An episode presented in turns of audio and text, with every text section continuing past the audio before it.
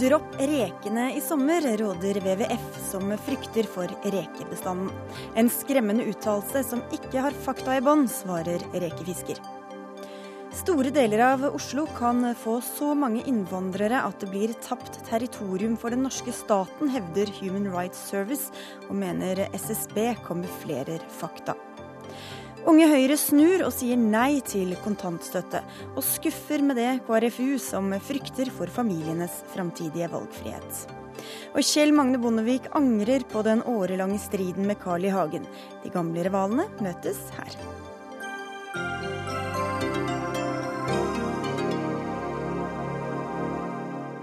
Og det skjer altså i Dagsnytt 18 i NRK P2 og NRK2 med Sigrid Solund i studio. Og vi begynner med Dagsnytt 18 med dagens nyhet om oppdrettslaks. For Nærings- og fiskeridepartementet åpner for at etablerte fiskeoppdrettere kan øke produksjonen med 5% Samtidig varsler forskere at tidenes lakselussommer er i anmarsj. For å bekjempe problemet vil departementet tillate færre lakselus per laks i anleggene. Generalsekretær i Norges jeger- og fiskeforbund Espen Søylen, dere er blant flere som har reagert negativt på denne nyheten. Hvorfor gjør dere det? Vi er jo glad for at uh, fiskeriministeren nå tar lakselussituasjonen uh, på alvor i det hun sier. Uh, men vi mener dette er litt politikk fra bakvendtland. Først så må man jo vise at man har kontroll på, på lusesituasjonen, og så kan man åpne for mer laks i merdene. Hva mener du dette forslaget kan føre til? det? Ja, Du kan tre, tenke tre scenarioer på dette forslaget. Det ene er jo at, eh, at, at, bedrifter går inn på ordningen og lykkes med å redusere lusepresset. Og, og det vil jo alle være glad for. Så kan det være en del bedrifter som ikke tør å gå inn, for de ligger i luseutsatte, eksponerte områder som de, de regner med at det ikke vil være realistisk å nå uh, målet. Så blir det status quo som i dag. Men i verste fall så kan jo noen forsøke seg og ikke lykkes. Og da vil vi jo kunne øke luseproblemet gjennom at vi får mer fisk i merdene. Hva er det som er så farlig med den lakselusen? Lakselusen er, er, farlig for næringen selv. De bruker en milliard kroner i året på avbøtende tiltak. For oss så er vi opptatt av sjøørreten og villaksens mulighet til å overleve. Dette er en, eh, en, sterk trussel, og en, har vært en vedvarende trussel gjennom mange år mot, uh, mot laksebestandene, og særlig sjøørreten som lever i disse havområdene. Og nå finner vi jo bilder på nettet av voksen sjøørret uh, med opptil 100 lus, som rett og slett er død av, av lusebelastningen. Mattilsynet varsler at høye vanntemperaturer kan gi en god sommer for lakselusene, og beskriver situasjonen som veldig alvorlig. Fiskeriminister Elisabeth Aspaker, det kan du få svare på, men først så kan du få si hvorfor dere kommer med dette forslaget i utgangspunktet? Ja, Norge er i en helt unik situasjon. Vi har en lang og produktiv kyst. Verden trenger mer mat, og vi må produsere mer mat. Og Det er bakgrunnen for at regjeringa nå har foreslått at vi skal tillate 5% vekst, men knytte det opp til svært strenge vil jeg si, miljøkrav. Og vi gjør det for at vi mener at det er mulig at, at næringa skal få utvikle seg videre. Være bærekraftig, men altså innenfor miljømessige akseptable rammer. Og så har jeg lyst til å si at um, jeg forstår bekymringa fra, fra Jeger og Fisk. Men jeg mener jo Og fra mange det, andre som også er bekymra ja, i dag. Men jeg mener at det vi foreslår i dag, som faktisk kan bety Hvis alle oppdrettere nå hadde veksla inn sine konsesjoner i en grønnere konsesjon, sånn som dette vil bety, så kunne vi ha redusert eh, lakselusproblemet i Norge med 30 det ville vært et viktig steg fremover for næringa. Derfor har vi på en måte lagt til rette for gulrot. Altså vi ønsker å stimulere. De som nå ligger nærmest å kunne gjøre det her, kan starte ut.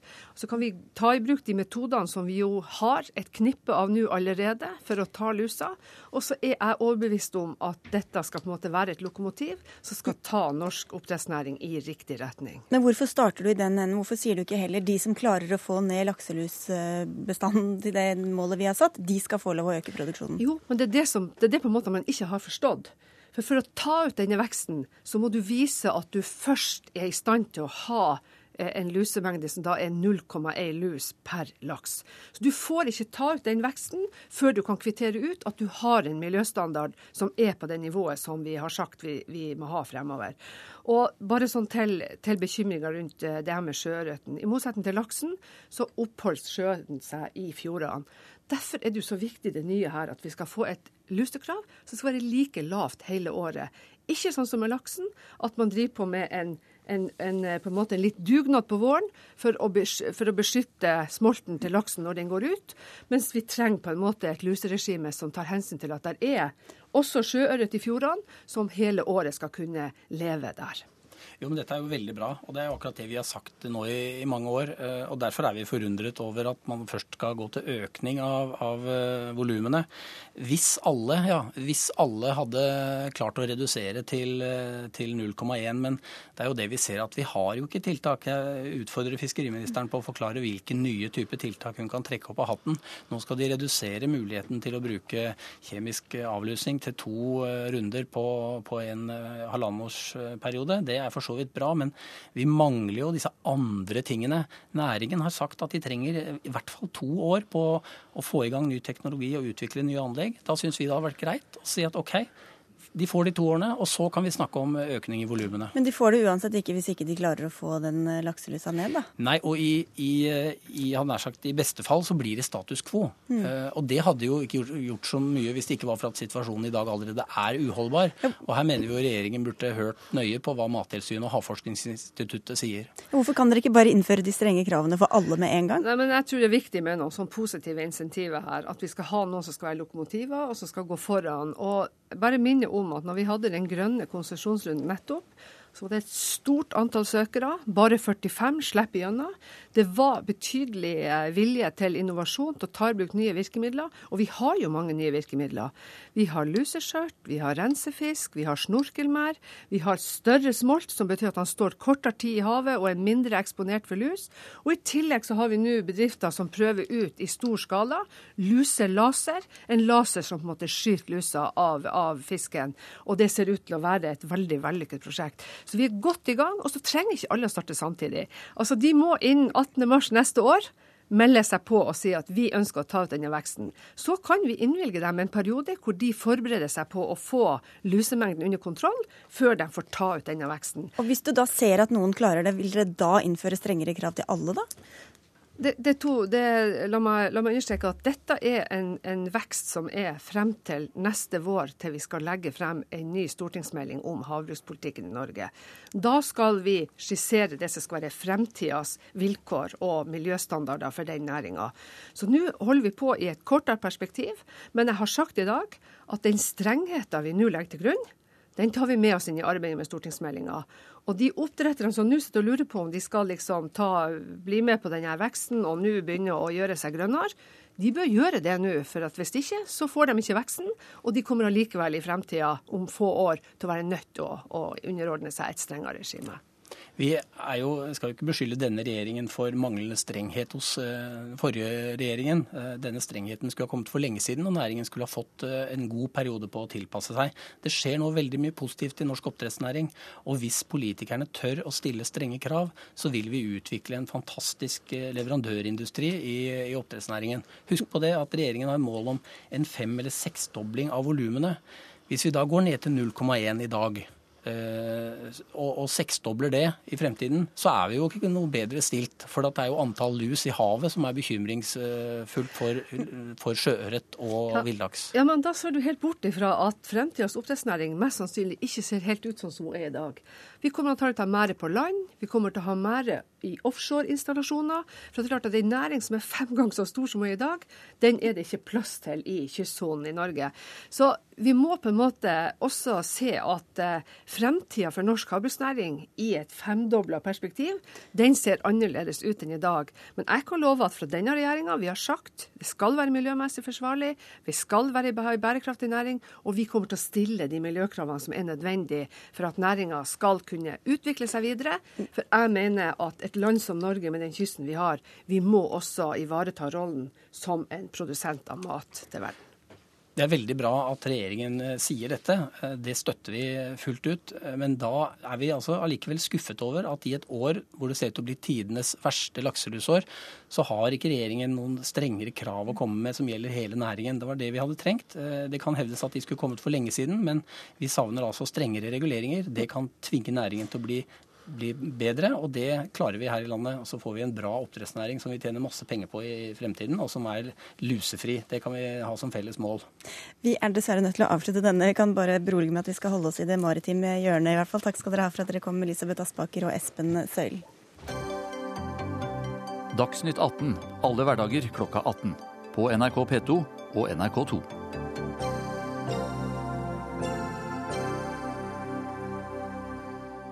Sommer for mange nordmenn er ensbetydende med sol og reker. Det første er det vanskelig å kontrollere, men ferske reker bør du styre unna, råder naturvernorganisasjonen WWF. De har lansert sin sjømatguide for 2014. Der er reker som er fisket i Nordsjøen og Skagerrak, plassert i den røde kategorien sammen med norsk hummer, sverdfisk og scampi. Og dette bør altså ikke spises, mener WWF, der du er leder for havmiljøavdelinga, Karoline Andaur. Blir det bare sitron og dill og majones på loffen i sommer? Nei da, det finnes andre alternativer til den ferske reka fra Nordsjøen og Skagerrak. Kjøp gjerne reker fra Barentshavet. De er et godt valg. Men hvorfor vil dere la de andre rekene ligge?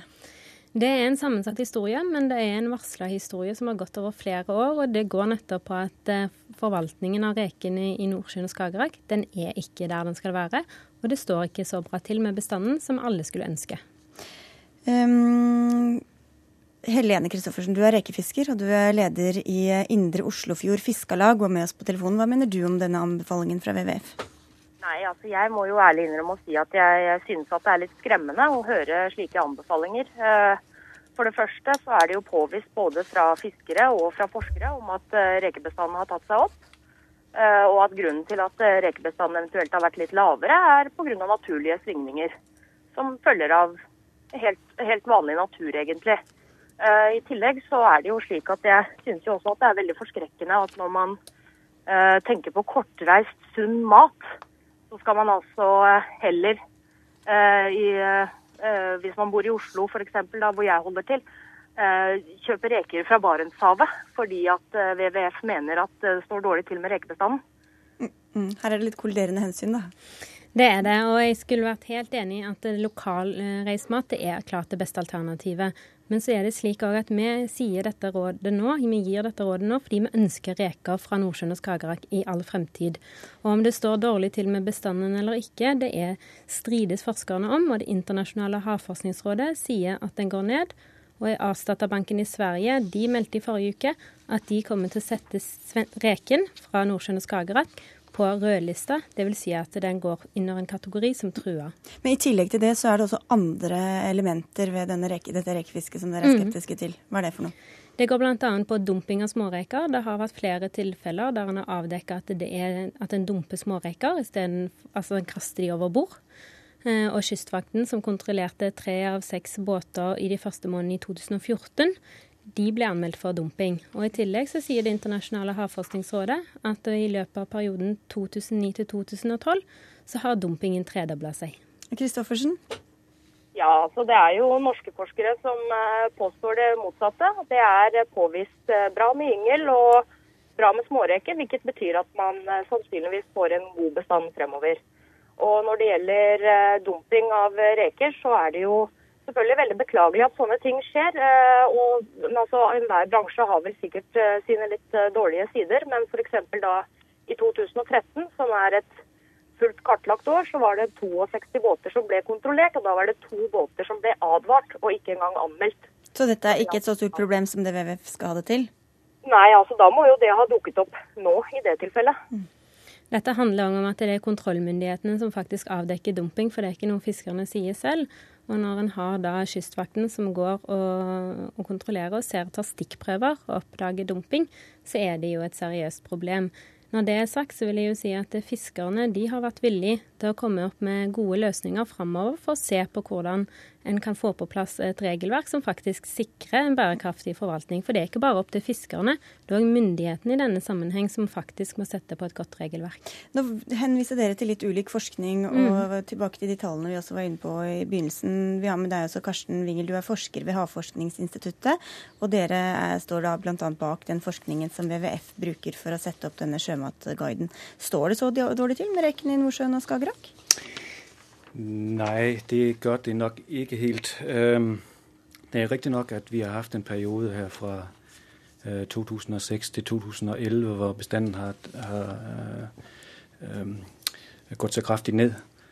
Øh, men etter 2011 har bestanden jo stabilisert seg.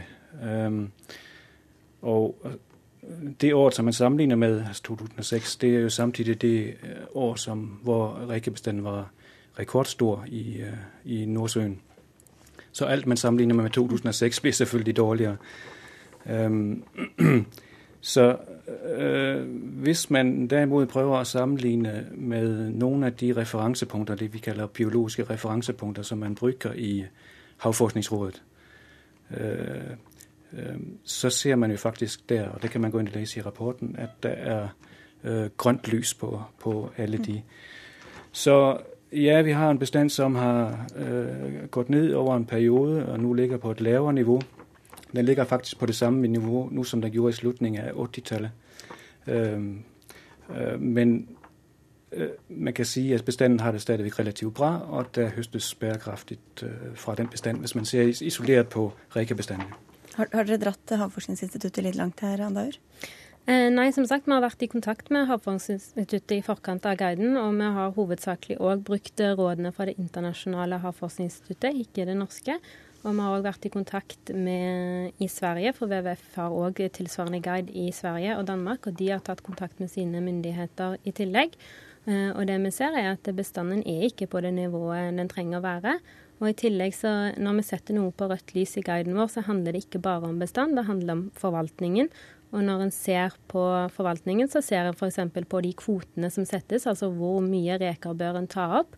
Og Der ser en òg at kvotene er satt høyere enn det forskerne anbefaler. Er det stor uenighet blant forskerne her, Vingel? Nei, det, sånn oppfatter jeg ikke. Det, uh, vi tar jo alle sammen våre data med til, uh, til møtene i ISIS, hvor uh, vi ser på data både fra Danmark og Sverige og, og Norge. Og så Det som kommer ut der, er jo konsensus mellom forskere fra ulike land, og det blir, blir eftersett og reviewet, som vi sier mm. der. Øh, nei, altså det Altså bestanden, Hvis man ser på bestanden øh, og hvordan den har oppført seg, så er det klart at det er litt skummelt når en bestand øh, daler så kraftig som den har gjort.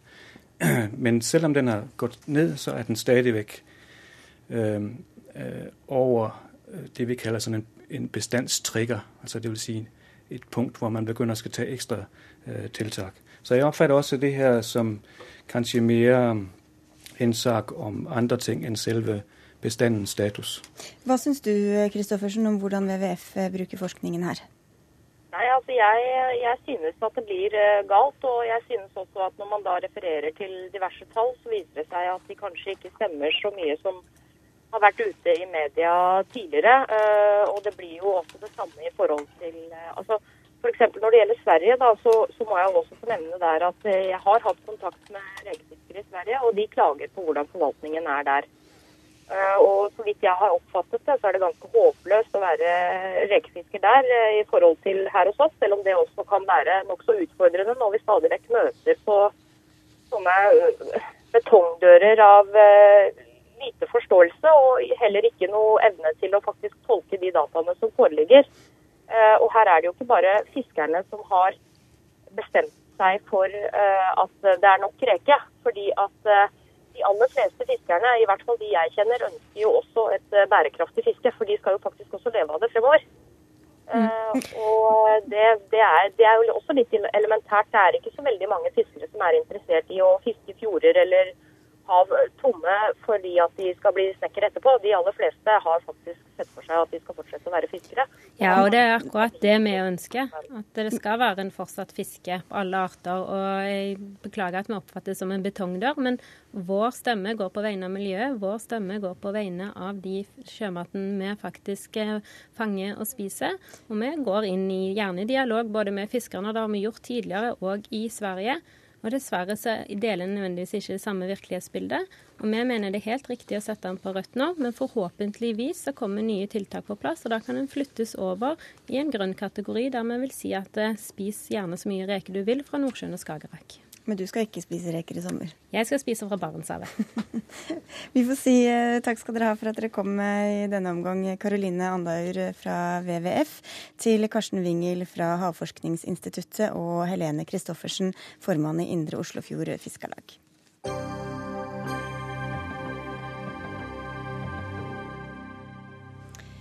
Carl I. Hagen og Kjell Magne Bondevik har hatt et nokså kjølig forhold gjennom lange politiske liv. Snart møtes de her i eh, Dagsnytt 18. Men først sommer... Nei, skal vi se. Det var det vi nettopp var, det. Eh, fortsetter innvandringen til Oslo i samme takt som nå, kan eh, åtte delbydeler på østkanten ha mer enn 86% innbyggere med minoritetsbakgrunn i 2030. Det hevder i hvert fall den innvandringskritiske organisasjonen Human Rights Service, som advarer mot at disse bydelene kan bli tapt territorium for den norske staten. Og I en kronikk i Dagbladet i helga spør de hvorfor eh, det de kaller den mest dramatiske endringa av Oslo og Norge i moderne tid, kamufleres av Statistisk sentralbyrå. Hege Storhaug, du er informasjonsleder i Human Rights Service. og Hva mener du SSB kamuflerer og burde gjort annerledes? Jeg mener jo det at uh, dette er tall som ikke en politisk tenker som, eh, som HRS skulle lagt på bordet, men SSB selv. Eh, fordi eh, SSB er en av Norges viktigste institusjoner. SSB er helt avgjørende for Oslo kommunes politikere, for regjering og storting. Når SSB legger tall på bordet, så kan politikerne våre handle sant? og planlegge inn i framtida.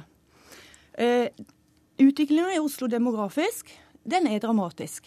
Altså Hvis den innvandringen fortsetter sånn som den har vært påvist de siste fem årene, så får vi, kan vi få da åtte Rosengård-områder i Oslo. Altså det svenske ja. området i Malmö? Ja. Det er et tapt område for den svenske staten, sånn som man sier det.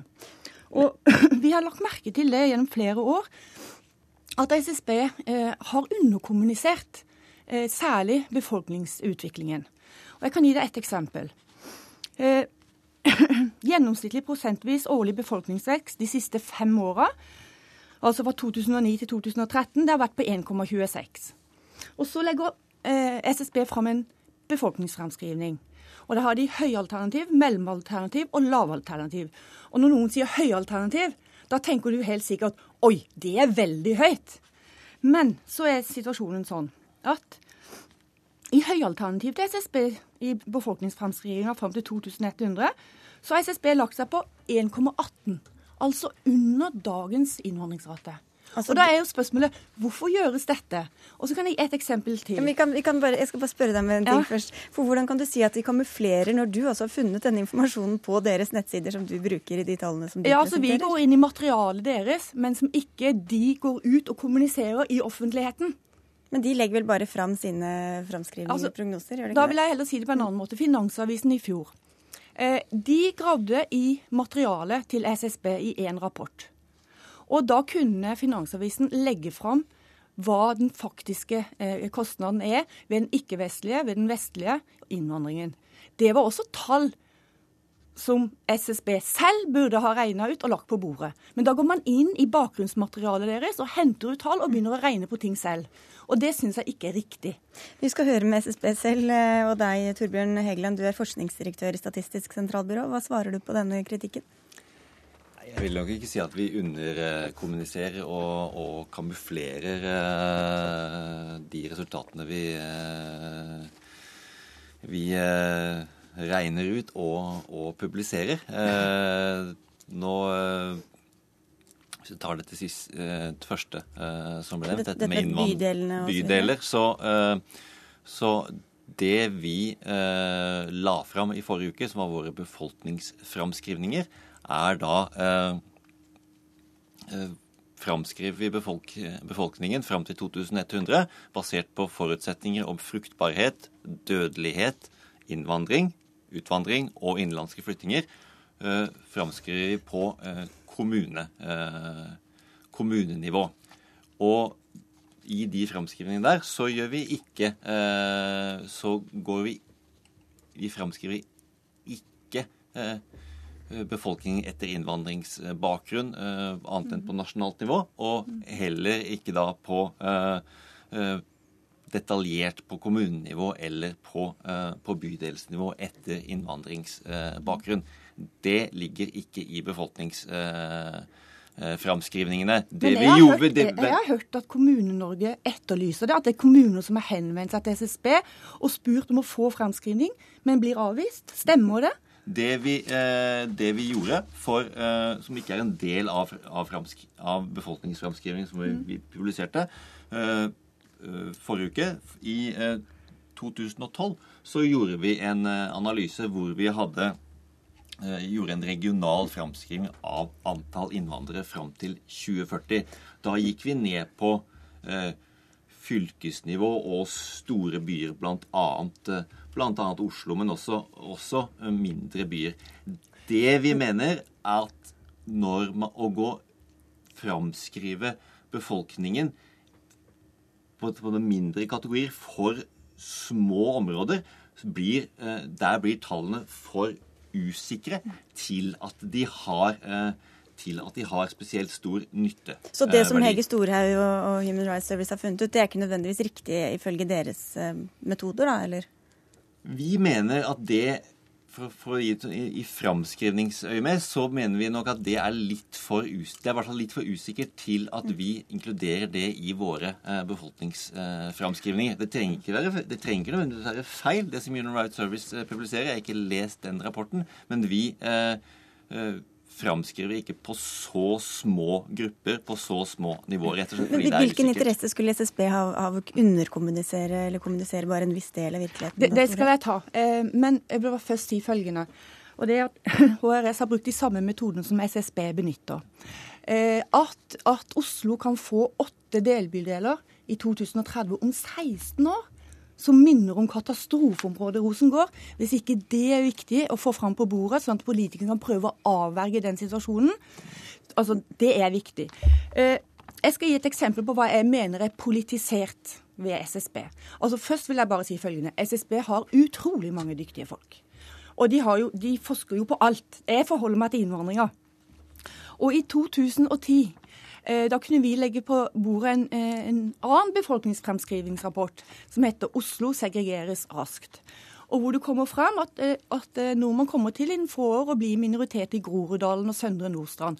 Og da ble en sentral demograf i SSB intervjua på Dagsrevyen. Og vedkommende sa følgende. De tendensene som vi er inne i akkurat nå, tilsier at det nok i Groruddalen kan bli et flertall av innvandrere pluss deres norskfødte barn. Så kommer det. Men hvorvidt det er en interessant ting, det er jeg sannelig ikke sikker på. Er litt spesielt? At en demograf ikke er interessert i demografi? Men er dere mindre politisert enn det SSB er, da? Ja, vi er veldig faktorientert. Eh, veldig faktaorientert. Eh, men, men, dere har jo også en politisk agenda. Altså, jeg skal ikke si også, jeg skal ikke beskylde noen for det, men har ja, dere en politisk agenda? Vi har en partipolitisk, helt uavhengig agenda. Vi er sånn sett prostituerte. Vi går til de partiene hvor vi mener vi kan få til bevegelse. For vi mener at disse temaene her, det er det mest avgjørende i norsk framtid. Og dermed så ønsker vi en bred politisk samling på Stortinget for å føre en best mulig innvandrings- og integreringspolitikk. Da må vi høre med Statistisk sentralbyrå. Da, hvor opptatt er dere av måten dere kommuniserer på, eller hva dere velger å, å, å bruke forskningen på, eller hvor dere kommuniserer den? Forskning og statistikk. Vi, så er klart, vårt, en, vårt samfunnsoppdrag er, er å um, gjennom uh, forskning uh, eller statistikk, analyse og forskning og opplyse eh, samfunnsdebatten på, eh, på, best mulig, eh, på, best mulig, måte på, innenfor ulike temaområder, gitt de ressursene, eh, gitt de ressursene vi har eh, til rådighet. Herunder også, eh, herunder også innvandringsområdet. Og jeg vil bare til, til dette med innvandrerandel i Oslo. Så i en rapport fra 2012 så, så lagde vi da også framskrivninger av eh, andelen, av andelen innvandrere og barn av innvandrerforeldre på fylkesnivå, herunder og også, også, Oslo. Altså hvor, det hun eh, etterlyser til en viss grad. Men, men, har dere en politisk slagside, da? Som nei. Blir... Men kan jeg gi et eksempel ting på underkommunikasjon? Ja, vi har ikke så mye tid igjen her. Jeg skal være veldig kjapp. I 2012 så kommer vi med en annen rapport på sysselsetting. Fordi at SSB har sagt at eh, de tar aldersspennet 15 til 74 år. Og dermed så får de tall som viser at innvandrere med vestlig bakgrunn er litt mer sysselsatte enn nordmenn. Så gikk vi inn og så på et naturlig aldersspenn, 25 til 61. Det er sånn cirka da vi jobber. sant? Og da var plutselig nordmenn mye mer i arbeid enn innvandrere. Og da må man lure på hvorfor gjorde SSB det? Men det har SSB heldigvis tatt selvkritikk på. Så der regner jeg med vi får se endringer nå fremover. Men eh, bare spørre helt til slutt, Hege Store. Mm. Hvorfor er det relevant også om så og så mange år hvem som har tippoldeforeldre foreldre som kommer fra et annet land? Hvis vi ser utover Europa på hva som har skjedd i byer med høy ikke-vestlig innvandrerandel, så ser vi at menneskerettighetene, særlig til jenter og kvinner, er på sterk retur. Jeg vil påstå vi nå har fått områder i Europa hvor kvinner og barns og jenters rettigheter er så magre som de aldri har vært i kjent norsk historie. Dette er forferdelig alvorlig. Ok, Det var min feil at jeg stilte spørsmål, for vi skulle jo egentlig ikke ha den politiske debatten. Vi, må, vi får runde der. Takker jeg for at dere kom, Hege Storhaug og Torbjørn Hegeland fra SSB.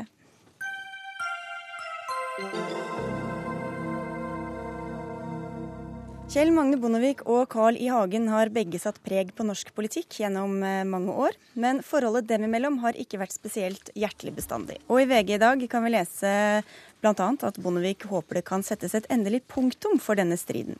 Og Tidligere statsminister og Kristelig Folkepartileder Kjell Magne Bondevik, du sier at forholdet til Carl I. Hagen har plaget deg. Hvorfor har det gjort det? Det er faktisk et uttrykk som VG har brukt. Jeg har vel ikke brukt det. Jeg syns vi alltid har hatt eh, et ryddig og greit forhold, men det har vel ikke vært av de nærmeste og, og mest hjertelige.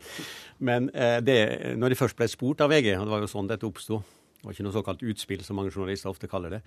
Så var det rett og slett fordi, eh, når jeg ble spurt om det, å markere at for meg har ikke motsetningene til Fremskrittspartiet gått på personlig uvennskap med noen, ei heller Carl I. Hagen, men rett og slett politisk uenighet. Men det kan kanskje danne seg andre inntrykk, og derfor syns jeg det var greit å få sagt det. Og Hva syns du da du leste det, Carl I. Hagen? Først var jeg forbauset, for det liksom var ikke noe foranledning. Men jeg skjønner jo også at en avis som intervjuer om kanskje noe annet, øh, får høre noen setninger, og så blir avisen interessert. Så jeg var først forbauset. Men jeg var veldig glad for noe øh, av det Kjell Magne Bondevik sa. Han sa at han angret litt på eller angret på at han ikke på et tidligere tidspunkt hadde liksom sett på og behandlet Fremskrittspartiet som et ordinært, øh, vanlig politisk parti men på en måte skjøv oss litt ut i kulden, var i hvert fall slik jeg oppfattet. og det, eh, det satte jeg pris på, for det var jo nettopp det som var den store utfordringen. Fremskrittspartiet var et veldig stort parti, større enn KrF. Og vi fikk ikke være med og drøfte etter valget om hvem som skulle forhandle om regjeringsdeltakelse. Og Det var jo derfor vi for så vidt i 2005 sa at det var det slutt med. Ja, for det var det vi skulle fram til nå.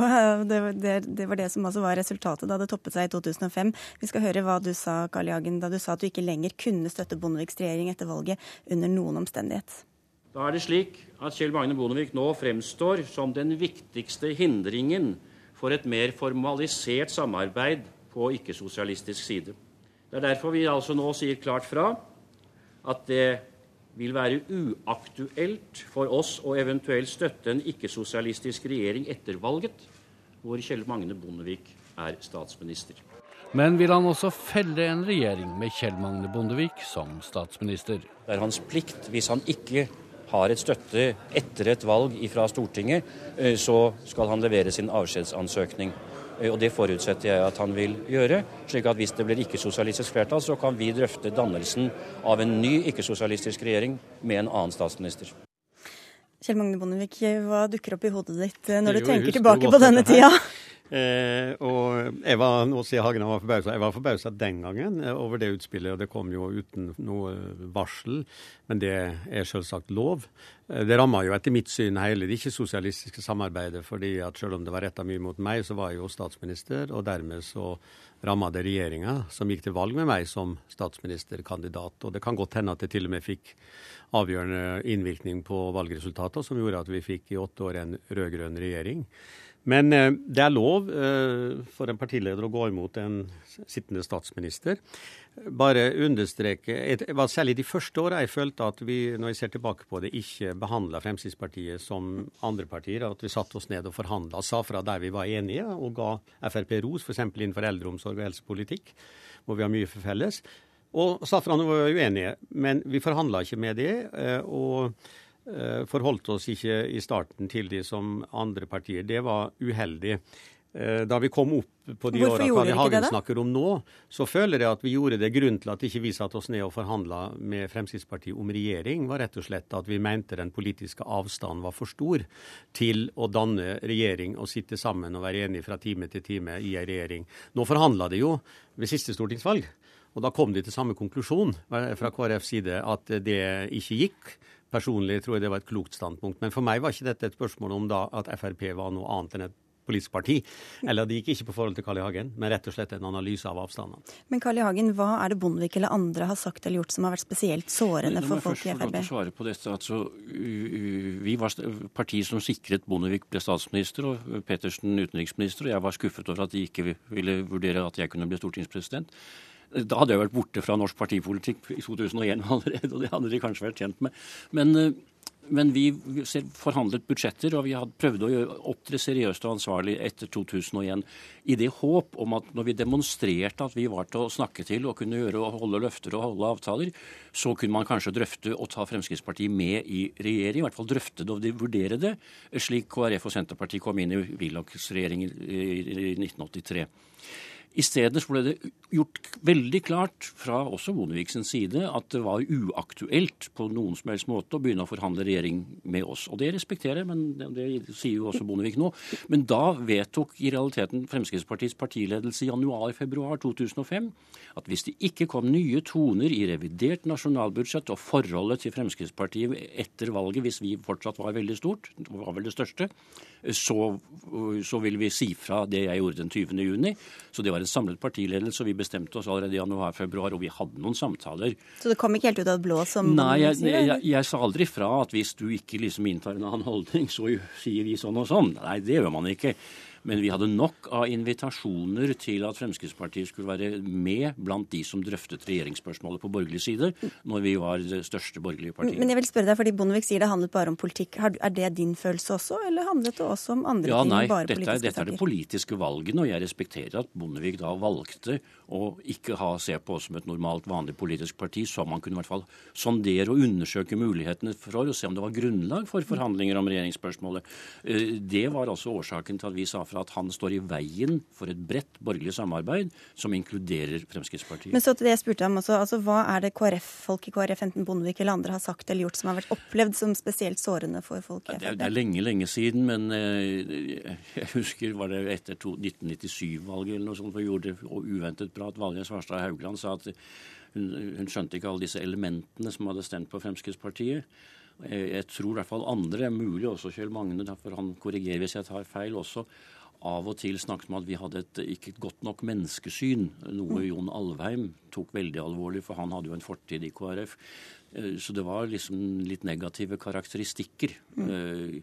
Men det, det, det, avgjørende er jo at vi, vi, vi, ble ikke tatt med blant de borgerlige partier for å drøfte regjeringsspørsmålet. Og det for så vidt det er, en, det er et valg som Bondevik har full rett til. fordi vi, vi vi er uenige om en god del, og så er vi enige om en del. Men dette med menneskesyn var noe du også skrev om i en eh, kronikk? Eh, ja, men jeg tror aldri jeg har sagt det. Jeg kan ikke i hvert fall huske det, og jeg prøvde å sjekke det senest i dag, at jeg beskyldte Frp for å ha et negativt menneskesyn. Men jeg kan sitere hva du skrev. Men det jeg sa, du skrev ja. at det ville markere med avstand til et menneskesyn som står i kontrast til den sterke nestekjærlighetstanken som det tradisjonelt har vært bred oppslutning om i norsk politikk og mm. samfunnsliv. Og det, og det, skyldtes at det var utslag av FrPs politikk. Det var i hvert fall slik det var meint, og det sto jo i en kontekst, det sitatet der. Eh, som jeg mente slo ut på denne måten. altså Det gikk på kutt i bistand, det gikk på en veldig liberal ruspolitikk. Og der mente de det ramma enkeltmennesker, og dermed kom i konflikt med vårt menneskesyn. Men er det Men, menneskesynet til stede i dagens hmm? Frp? Er det menneskesynet også da til stede i dagens Frp? Ja, jeg vil ikke karakterisere FrPs menneskesyn, og jeg tar til etterretning og og godtar fullt ut at de mener å stå for det samme kristne menneskesynet som KrF. Men jeg mener det har gitt en del utslag, FrPs politikk, som er uheldig. Jeg skal ikke svare for Svarstad Haugland, det syns jeg blir feil av meg å sitte og, og kommentere henne, annet enn at jeg har snakka med henne så mye at jeg vet at hun mente ikke å karakterisere FrPs velgere. Uh, vi har den samme respekt for de velgerne som for alle andre. Det vil jeg i hvert fall ha sagt nå, sånn at ikke det er noen tvil om det. Men til dette med stortingspresident Jeg kan forstå Hagen, det har jeg sagt også i, i i dag. Men etter mitt syn og det var jo ikke bare mitt, det var bred enighet blant de daværende eller kommende regjeringspartier, så skal en stortingspresident være samlende mer enn noen annen. Vi følte at Hagen var veldig kontroversiell, og at dette derfor ikke var riktige posisjonen for han. Når det gjelder regjering, så skyldtes ikke det på det tidspunktet at ikke vi betrakta Frp som et vanlig politisk parti. Men vi mente avstanden var for stor til å sitte ja, sammen i, uh, i, regjering. Og det er ikke noe plikt å forhandle eller sitte i regjering med et parti en mener ligger langt unna. Det er mange partier vi ikke har forhandla med i norsk politikk. Men spørre, fordi Det er jo tydeligvis noen fra KrF og andre partier også som har sagt ting som opplevdes som sårende. Men du sa selv også du ba regjeringa om en nærmere redegjørelse om Bondeviks mentale helse etter at han ble sykemeldt pga. en depresjon. Hva syns du om det sånn i ettertid? Det var veldig klart relativt tidlig etter at jeg uttalte det at det var uklokt. Og det skulle jeg ikke ha sagt. Eh, Bondevik fikk masse ros for sin åpenhet, og det fortjente han eh, absolutt. Eh, det jeg stilte spørsmålstegnet ved, var hvis han fungerte som statsminister mens han skal vi si, var, var syk. Det gjorde han jo ikke. Det var det jeg prøvde å si fra og advare mot. At hvis han er syk og sykmeldt, så må en annen være den som er den fungerende statsminister. Og etter at jeg hadde uttalt dette, så ble det mye klarere at det var håndtert på korrekt måte. Men jeg, jeg innrømmer gjerne at i min karriere har jeg hatt spissformuleringer om mange. Og jeg har vært kontroversiell, helt riktig som Bondevik sier, jeg har vært kontroversiell hele mitt liv. Men jeg, jeg, tror jeg prøvde også å si at hvis jeg hadde blitt stortingspresident, så hadde jeg lagt partipolitikken på hylla. Og fortsatt lei deg for det, vært, i, den, I den rollen ville jeg vært samlende. Men er du fortsatt lei deg for at eh, du ikke ble det?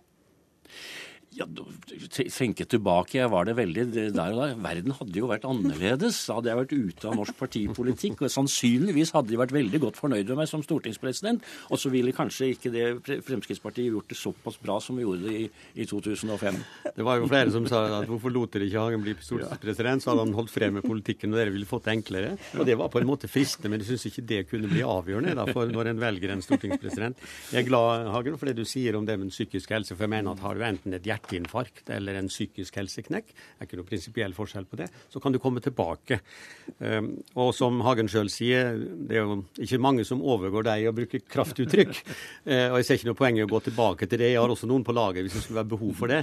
Men det legger vi bak oss. Ja. Og jeg er ute av politikken, og det er vel stort sett Hagen også, sjøl om han er med lokalt. Jeg sysler litt i Oslo bystyre. Ja. Men det var jo greit å komme, å komme tilbake i manesjen for begge to. Ja, ikke sant. Vi får si takk. Er dere vel forsont nå, eller hvordan skal vi konkludere? Jo, men vi har aldri vært fiender som har trengt noe forsoning. altså Det er et helt feilaktig uttrykk. Eh, vi har aldri vært nære venner, men vi har greid å fungere helt utmerket og korrekt. Jeg har sagt før i dag, vi er begge voksne mennesker og kan ja, oppføre oss. Enig i det. Vi har ikke det behovet, men vi har fått rydda opp kanskje noen misforståelser, og det syns jeg var veldig nyttig. Og det var det jeg, når jeg fikk spørsmål om det i VG, svarte på. Takk skal dere ha i hvert fall for at dere også kom til Dagsnytt 18, Kjell Magne Bondevik og Karl Gjerling. Hør Dagsnytt 18 når du vil. Radio NRK.no. Er det foreldrene eller skolen som har ansvaret for at barn kan svømme? Oslo kommer dårlig ut på en rekke undersøkelser som tar for seg svømmeferdighetene til norske skoleelever. Forrige skoleår kunne fem, hver femte Oslo-elev fortsatt ikke svømme 25 meter etter opplæringen på fjerde trinn. Til avisa Klassekampen sier utdanningsbyrådet i Oslo Anniken Hauglie at det først og fremst er foreldrenes ansvar å lære barna å svømme. Hun skal få utdype dette snart, men først skal vi gå til deg, Bjørnar Moxnes, du er leder i Rødt. Hvorfor fikk denne uttalelsen deg til å steile? Ja, det er en veldig interessant uh, standpunkt. Altså, la oss bytte ut ordet svømming med, med brøkregning. Altså At foreldre først og fremst skal lære elevene brøkregning. Det ville jo uh, folk steile over. Men like mye som skolen skal lære elevene å svømme, skal skolen lære elevene brøkregning, uh, og omvendt. Vårt ansvar som politikere er å gjøre skolen i stand til å, å tilby god svømmeundervisning. Eh, og der mener jeg at eh, Høyre over mange mange år har forsømt ansvaret sitt. Vi er på jumboplass når det gjelder både svømmetimer og ikke minst også badeanlegg. Og Det er et politisk ansvar som Høyre ikke har tatt når de attpåtil velger å skyve ansvaret eh, over delvis på foreldrene for noe som står i læreplanen og som er skolens ansvar. Så mener jeg at det er en lettvint, men også en litt farlig ansvarsfraskrivelse. Fordi det er, det er, livsviktig å kunne lære seg å svømme. Det vet vi av, dessverre av mange hendelser de siste årene. Anniken Hauglie, du er allerede introdusert eh, som byråd i eh, Oslo. Um, ifølge utdanningsloven er det altså kommunenes ansvar at barna lærer å svømme. Hvor slutter eh, skolenes ansvar og foreldrenes begynner? Ja, først vil jeg si at uh, Foreldre har jo et ansvar eh, for å sørge for at barna møter opp til brøkregningen. Uh, så det er ingen tvil om at foreldre har et ansvar, og foreldre tar jo også et uh, ansvar. og Man skal jo være rimelig langt ut på venstresiden for å mene at det er kontroversielt å si at foreldre har ansvar for sine barn.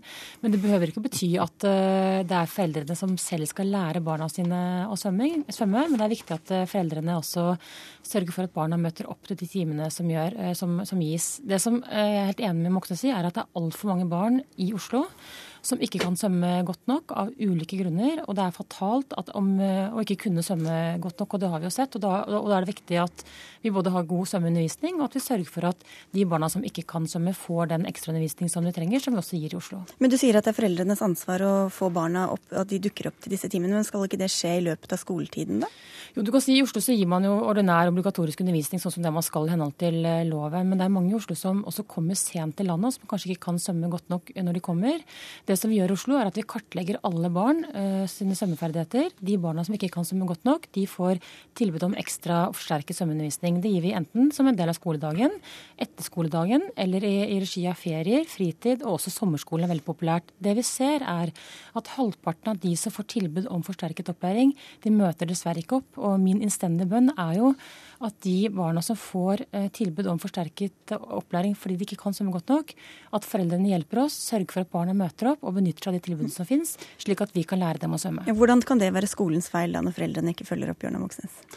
Altså det byrådet både har sagt og ikke minst skrevet i en egen byrådsmelding om svømming, er at de sier at det er først og fremst foreldrenes ansvar at barn lærer seg å svømme. og Det er jeg helt uenig i. Det, er, det ansvaret må skolen ta, naturligvis i samspill med, med hjemmet.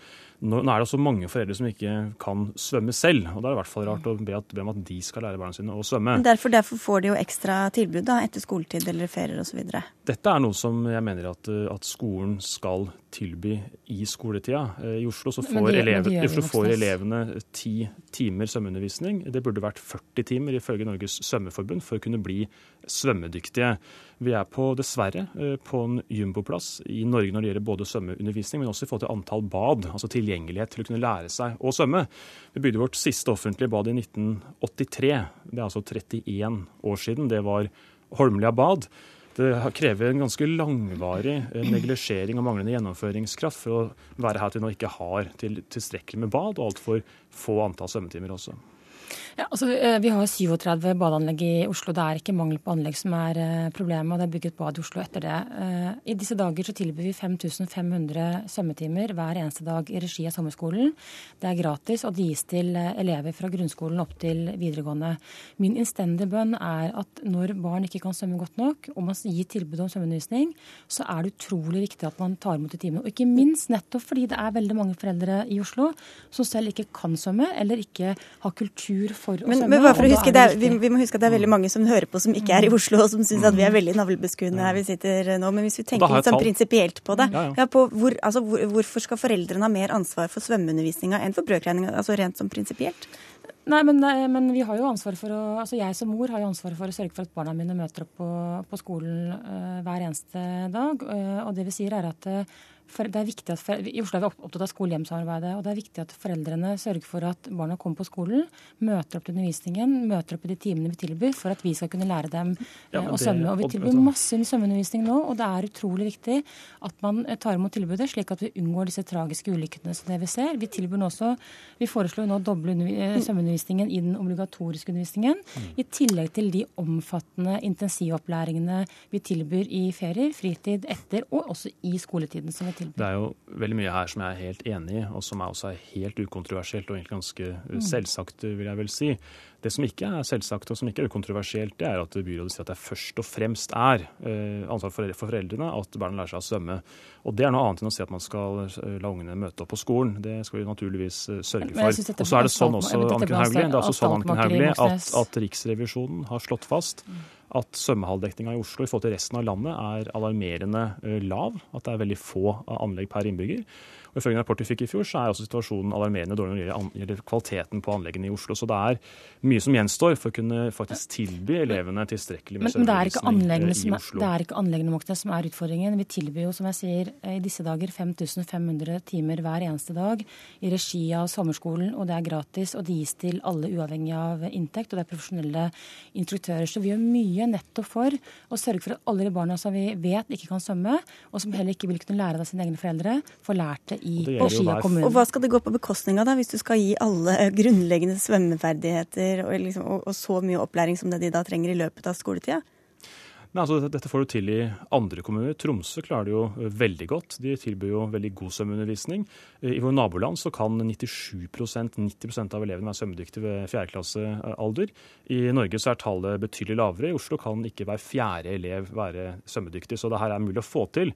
Men det handler jo om politisk eh, vilje og gjennomføringskraft. Og der vil jeg si at Høyre har et godt stykke å gå i Oslo for å komme på et akseptabelt nivå, for nå er det altfor dårlig. Barn er vel generelt ganske prisgitt foreldrene sine sånn på de fleste områder? Områder i livet? Ja, da bør vel også uh, skolen kunne ta ansvar for det som skolen skal ta ansvar for, nemlig å sikre at elevene uh, lærer seg å svømme, som det står i læreplanen, og som man bør, bør gjøre dem i stand til men, å, men, å, få men, til. Men, det gjør skolene, Moxnes. Nei, hver fjerde elev kan ikke svømme i Oslo-skolen. Skolene gjør det, men vi vet at det er mange som også kommer til Oslo og til landet uh, når de er eldre enn det, og da må man mm. også ha forsterkede svømmetiltak. Så det går ikke an å sammenligne nødvendigvis med andre kommuner? Jeg tror ikke det er så enkelt, i hvert fall. Jeg tenker at jeg syns Moxnes ser veldig enkelt på det. Desto viktigere med god svømmeopplæring. Det, det viktigste er jo nå at vi sørger for at de barna som trenger undervisning, får undervisning.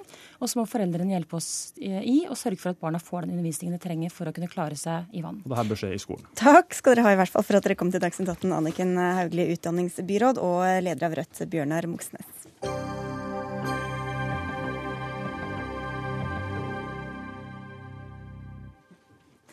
Unge Høyre har ikke bare fått ny eh, leder i helga som var, de har også fått ny politikk. I hvert fall hva angår kontantstøtte, som eh, ungdomspartiet nå går inn for å fjerne, i motsetning til hva de har ment tidligere.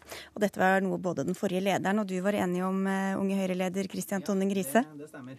Men hvorfor har dere snudd som ungdomsparti i denne saken? Nei, Det er flere årsaker til det. For det første så er det en prinsipiell årsak. At vi mener at det er feil å, å betale folk for ikke å benytte seg av et offentlig velferdstilbud kontantstøtte ble jo i sin tid innført som, eh, som et alternativ eh, ikke alternativ, men en, en erstatning for, eh, for, barnehage for de som ikke fikk barnehageplass. Det var jo på et tidspunkt hvor vi på langt nær hadde full barnehagedekning. Da var den tiltenkt til å vare i, i ca. tre år. Og nå er vi i den situasjonen at vi har så å si full barnehagedekning. Og Likevel så har vi fortsatt å ha kontantstøtte, og da fungerer den egentlig mer som en betaling for ikke å benytte seg av et velferdstilbud. Og så er det andre hensyn, det, det mer pragmatiske, som handler om at, eh, om at, kontantstøtten er et hinder for integreringen. Så her er det både praktiske og prinsipielle forhold som gjør at et ganske stort flertall av landsmøtet gikk imot å beholde, eller ikke imot å ha en nasjonal kontantstøtte, ikke for å ha den som en frivillig kommunal ordning. Det er viktig å understreke det. At det ikke er et forslag om å fjerne den, men å gjøre den til en frivillig kommunal ordning. Vi kan komme tilbake til det, men dette forslaget ble altså ikke godt mottatt hos dere i KrFU, hvor du er leder, Emil André Erstad. Men ble du overrasket over vedtaket? Ja, litt. fordi som det, det prinsippet Kristian her glemmer å nevne, er jo rett og slett uh, valgfrihetsprinsippet. Og det, det er for vår del kontantstøtte handler om. At det er valgfrihet for familiene. At beslutningene i familien om, om hvordan en skal organisere egen hverdag, skal tas rundt kjøkkenbordet, og ikke av Erna i statsråd. Eh, og, og, det at Unge Høyre, da, som, som, tar på seg oppgaven med å være en, tals, eh, en talsperson for, nei, for uh, valgfriheten veldig ofte, eh, kaster den på båten så lett, det, det er litt overraskende. over. Men eh, det er jo interessant her å diskutere det prinsippet om kontantstøtte som velferdsordning. Fordi eh, Unge Høyre her har da prioritert kalkulatoren framfor familiene sin, eh, sin, valgfrihet. Og det er synd da at de ikke tar de verdiene det som ikke bevises over statsbudsjettet, men nemlig fleksibilitet, valgfrihet for familien og mer tid med egne barn. Og det er like god velferd det for familiene det gjelder, eh, som barnehage. Jo, men jeg syns det her er et litt underlig prinsipp. For det er jo ikke i noe annet eh, område i Norge hvor vi altså gir folk en sum penger for ikke å benytte seg av et velferdstilbud, og bruker det valgfrihet som argument. Så man kan jo se for seg, F.eks. så har vi det i Norge at det er fullt mulig å ta barna ut av skolevesenet og tilby hjemmeundervisning i stedet. Da betaler du jo fortsatt skatt til, eh, til, det offentlige skolevesenet, men det er jo ingen som har foreslått at de som tar ungene sine ut av skolen, skulle, skulle, få en sum penger for det. Man kunne jo gjort det, og så brukt akkurat den samme argumentasjonen som dere bruker for at man skal, skal ha, ha kontantstøtte. Og det er jo sånn at når vi vet hvilke negative konsekvenser eh, kontantstøtten har for mange av de eh, menneskene som er, eh, som er, mest utsatt i Norge, som det er vanskeligst å integrere i det norske samfunnet, så syns jeg det er veldig rart å beholde den ordningen når vi har tilnærmet full barnehagedekning. Ja, men Når du ser på de praktiske konsekvensene, hvorfor veier ikke det tyngre for dere i KrFU? Altså For det første så er mener jeg at kontantstøtte er velferds, en velferdsordning. Og jeg syns det er galt av politikere som som tar på seg å være talspersoner for eh, valgfrihet, og mener at en velger feil hvis en ikke velger å sende barna sine i barnehagen. Men, men når vi ser hvem som, bruker, hvem som benytter seg av ja, kontantstøtte det det er interessant, fordi her skyver en innvandrere foran seg i debatten om, eh, om eh, kontantstøtte. Jeg mener en ikke skal forskjellsbehandle den valgfriheten som innvandrere, innvandrerfamilier og norske, etnisk norske familier benytter seg av. og har rett til å benytte seg av. Så er det sånn at Flertallet av de som bruker kontantstøtte i dag, altså av de 37 000 barna som i 2011 fikk kontantstøtte, så var 11 000 foreldre med innvandrerbakgrunn. Og Da mener innvandrerbakgrunn ganske i vid forstand. Og Det å skyve disse foran seg for å fjerne et velferdsgode for veldig mange, det er et ganske farlig, eh, en farlig sak. Fordi det aller store flertallet de bruker kontantstøtte på en veldig god måte. Hvor liberalt er det? Det er jo ikke, det er jo ikke å skyve innvandrere foran seg og, og, og snakke om konsekvensene av politikk. Og det er jo altså sånn at 30% av innvandrere fra, fra, Asia og Afrika i Norge har vedvarende lav inntekt. Og vi vet at noen av de som bruker kontantstøtten aller mest, er nettopp eh, ikke-vestlige innvandrere. Og for dem så kan den summen penger, sammen med en del andre ordninger, være det som gjør at man eh, ikke kommer seg ut i jobb. Og Samtidig vet vi at uh, arbeid det er nøkkelen til integrering. Og Da sørger det for at du har en stor andel mennesker som ikke klarer å integrere seg ordentlig i det norske samfunnet. Og vi må kunne, vi må kunne være ærlige om den konsekvensen av, av den politikken som føres, uten at man skal si at man skyver innvandrere foran seg. Nei, det er en konsekvens av den politikken, og da må man uh, ta det inn over seg. Men, men, hva hjelper det da hvis dere innfører en, eller hvis kommunen velger å innføre en kommunal uh, kontantstøtte? Vi ønsker å gjøre dette som en frivillig, eh, frivillig ja, så Hvis de gjør det i Oslo f.eks., så får ikke det Nei, så veldig mye å si. Altså, vi, kan ikke, vi kan jo ikke forby kommunene å tilby, en, eh, å tilby kontantstøtte hvis, hvis, de vil det. Men vi kan la være, vi kan holde opp med en, med en, nasjonal ordning som vi ser at har negative konsekvenser. Og det at vi ønsker å ha det som en frivillig kommunal ordning, er jo også at det er en erkjennelse av at det ikke er helt like forhold fortsatt i alle kommuner når det gjelder barnehage.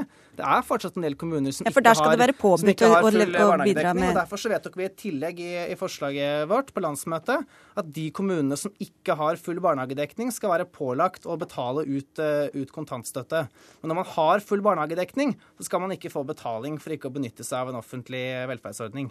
Altså, eh, Det er en sørgelig avsporing når vi, når vi framstiller kontantstøtte som betydelig hinder for integrering, fordi vi har tiltak som skal bidrar til integrering. Vi har gratis kjernetid i barnehage, vi har språkundervisning, vi har bedre adgang på arbeidsmarkedet. Når du ser de praktiske konsekvensene, hvorfor er da prinsippet viktigere enn det, det, er, det store flertallet av de som benytter seg av kontantstøtte, det virkelig majoriteten av det, er folk som helt fint eh, klarer, klarer, å mestre det norske språk og eh, integreres veldig, veldig godt. Det er vel fordi det er, flest, det er flest av dem, men hvis ja, du ser nei, på de andre tallene det er, som det er, det er ikke derfor vi da skal Vi skal ikke basere en velferdsordning på de som som, eh, som han sikter til her.